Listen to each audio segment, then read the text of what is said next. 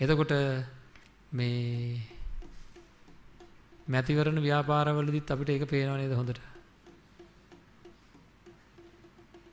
නායකත්වයේ ඉල්ලන කාලෙමත් තේරෙනව නේද කාටවත් විද්දන්නේ නැහැ කියලා? එක සැරයක් එක පාසලක එක දුවල පිරිසක් ගුරුවරයෙක්ගෙන් අහලා ලොකු කට්ටියක් ගුරුවරයෙක්ගෙන් අහලා කොහොමද සහකාරයෙක් හොයාගන්නේ? මැනගන්නේ කොහොමද කියලා මේ ගොඩක් ලොකු ළමයි ටිකක් අහලා තිනවා ඒකට ක්‍රමවේදය මොකක්ද කියලා. මේ ගුරුවරයා මගෙන් ඇහුවා. මෙන්න එහෙම එකක් අහනවා ආම්දුරනේ දැන් මොකද? කොහොමද මේක කියන්නේ කියලා. හරිද මං කිව්වා අම්මටයි තාත්තටයි හරියට සලකනවාද කියලා හොයලා බලන්න කියලා. හරිද? අම්මටයි තාත්තටයි හිංසනයක් කරන්නේ නැති දරුවෙක්ද කියලා හොයලා බලන්න ඒ ටික විතරක් ඇති. හරිද? ප්‍රතික්ෂේප කරන විතර ප්‍රතික්ෂේප කරන විදිහ විතරයි මං කිව්වේ. අම්මටයි තාත්තටයි හිංසා කරනවා නම් සැරෙන් සැරේ සැරෙන් සැරේ වචනයකින් හරි ක්‍රියාවකින් හරි එයා ඔහෙට හිංසා කරන එක අහන්න දෙයක් නෑ අනිවාර්යෙන් ඒක කරනවා. ඒ තමයි මැනගන්න මිම්ම. හරිද? ඒ කියන්නේ තමන්ගේ දෙමව්පියන් කෙරේ හිංසාකාරී අදහස් ඇති වෙන කෙනාට ස්වාමියා භාර්යාව කෙරේ එහෙම අදහසක් ඇති වෙන එක අහන්න දෙයක් නෑ කියලා මේක ලොකු ලොකු ප්‍රකාශයක් වුණා. ඒක හරියටම පිළිගන්න එකක් බවට පත් වුණේ ගුරුවරයාත් කිව්වා හරියට හරි හාමුදුරනේ කියලා. හරිද? ඒ වගේ අපි මේක හොයාගන්නේ අවිහිංසා සංකල්පය කියන තැන. නේ? යහපත් මිනිස්සෙන්ටත් Tamanට උදව් කරපු අයටත් හිංසා කරන්න පුළුවන් මානසිකත්වයක් ඇති වෙන මිනිස්සු ඉන්නවා නම් අනිත් අයට ඕකෙන් බෙදෙන එක අහන්න දෙයක් නැහැ.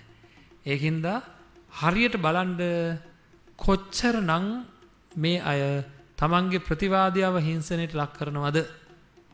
හරිද ප්‍රතිවාදියාට කොච්චර පීඩනයක් ඇති කරනවද කියලා. ප්‍රතිවාදියාට නෙමෙයි මේ දවස්වල පේන්න තියෙනවා තමන්ගේම අයට අපූර්වට තමන්ගේම අයව තමන්ගේම පක්ෂවල අයව හිංසනයට ලක් කරන හැටි. නේද? ඒ අය කිසි දෙයකට ගණන් ගන්න එපා මන්නම් කියන්නේ. ඔය මිනිස්සු ගණන් ගන්න එපා. ප්‍රසිද්ධියේ මේව කතා කරන්න ඕනේ. කතා කරලා කියන්න ඕනේ. මේ ආත්මාර්ථකාමීකම අන්න අයව හිංසනයට ලක් කරන ස්වභාවය මුළු රටම හිංසනයට ලක් කරනවා මේ වගේ මිනිස්සු. අද තමන් ළඟ ඉන්න අයවත් හිංසනයට ලක් කරනවා නම් රටම ලක් කරනවා. මෙයා මේ හිංසාකාරී හැඟීම නායකයෙකුට සුදුසු දෙයක් නෙවෙයි. හරිද? හිංසාකාරී හැඟීම කොතන හරි පේන්ඩ තිනවනම් කාට හරි මෙයා රිදවනවා අනවශ්‍ය විදිහටම එහෙමනම් අපිටත් ඔය ටික කරනවමයි ඒකින්ද එයා සුදුසු කෙනෙක් නෙවෙයි මේ සංකල්ප අපේ පින්වත්නේ ස්ථීර සංකල්ප බවට පත් වෙලා තියෙන්න ඕනේ. ඒ సంతාන ඇත්තටම දසරාජ ධර්මයේ කියන තැන තියෙන ඒ සංකල්ප ටික ගත්තහම ඒවා අනිවාර්යයෙන්ම ඒ සිත් තුළ නොනගින தත්වයකට අඩුම තරමෙන් ඒවා පාලනය වෙන தත්වයකට වක්වත් ඒ සංකල්ප සකස් වෙලා තියෙන්න ඕනේ. හරි? එතකොට ඒවා පුහුණු කරලා තියෙන්න ඕනේ. ඒවා පුහුණු කරන වැඩපිළිවෙලක් තියෙන මම ආය ආයක කියන්නේ එතකොට අපේ ජීවිතේට අපි මේ දසරාජ ධර්ම එකතු කරගන්නකොට ඔන්න මම පොඩි වැඩක් කියන්නම් ක්‍රියාකාරකමක් කියන්නම් අන්තිම දෙක කතා කරන්න ඉස්සෙල්ලා මේ මේවා කොහොමද හදාගන්නේ කියලා. හැබැයි ඇත්තටම හදන්න පුළුවන්. පුළුවන්ම හින්දායි කියන්නේ. හරිද?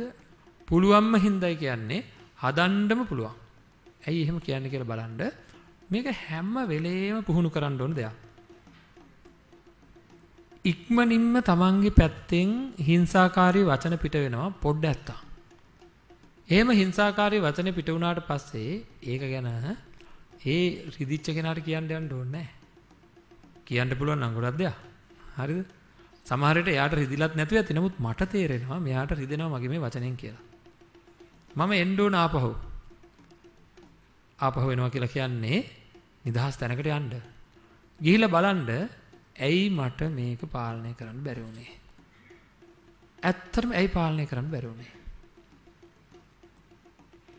ඒ අදාළ වෙලාවේදී මට ඉපදුනේ හිංසාකාරී හැඟීම්. නේද? අවිහිංසාකාරී හැඟීමුත් උපදින ස්වභාවයක් මගේ හිතේ තියෙනවා. හැබැයි මේ වෙලාවේ ආවේ හිංසාකාරී හැඟීම්. දැන් මං ඉන්නේ පීඩණයෙන්. මට හිතෙනවා මේක නොකිව්වනම් කොච්චර හොඳද කියලා. හරි. නමුත් මට ඒ වෙලාවේ ආවේ ඒක. දැන් මම මොකද කරන්න ඕනේ? දැන් මං තීරණයක් ගන්න ඕනේ. මොකද්ද?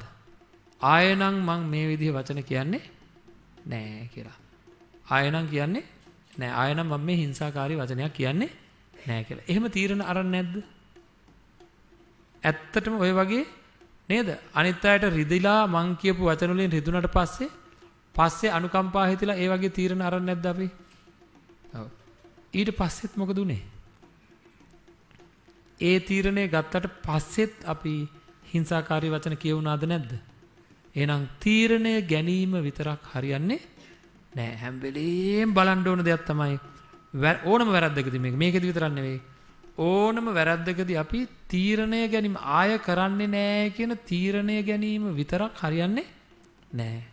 මොකද කරන්න ඕන? ඒක අදාළ තැනදී සිද්ධ වෙන්නේ නැති විදිහට මගේ හිත සකස් කරන්න ඕනේ.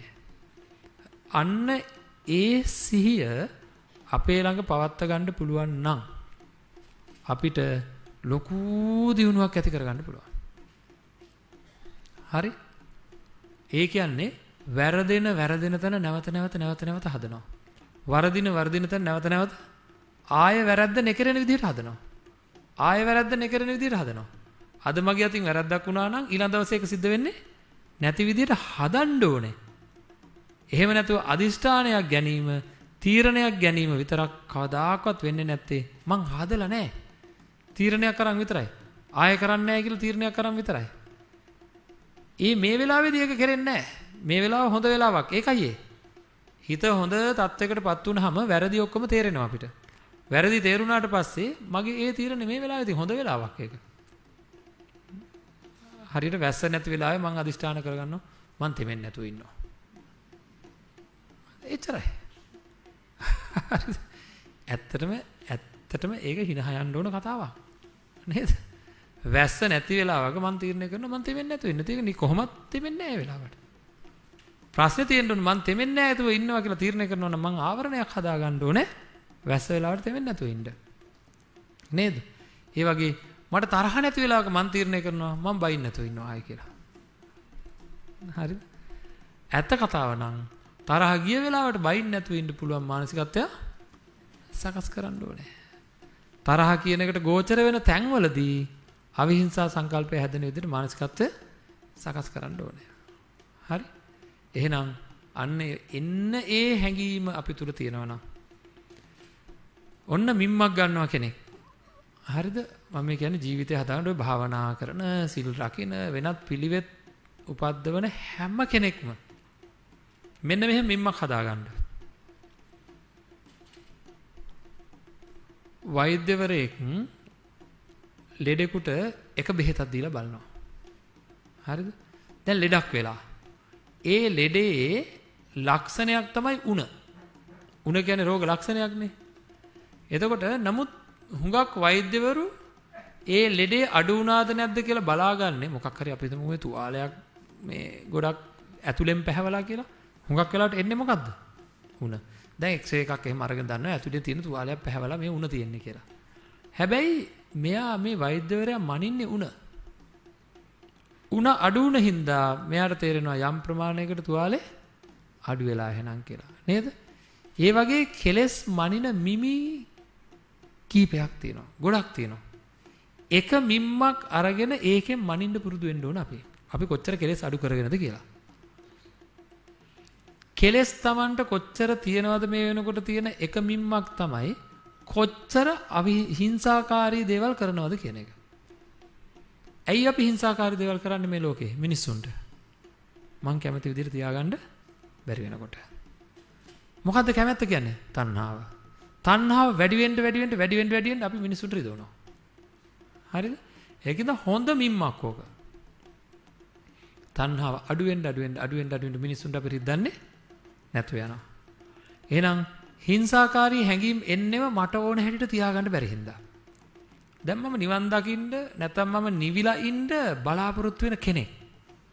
මම බලා ගන්න ඕන දැන් උණ කට්ට ගන්න කියලා මම මේ කියන්නේ.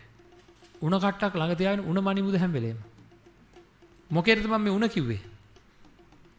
කාට හරි හිංසනයක් කරන්න වචනකින් හරි සිතුවිල්ලකින් හරි හිංසාවක් කරන්න සිතුවිල්ලක් ඇති වෙච්ච වෙලාවක් මොකක් විදිහටද බලන්නේ?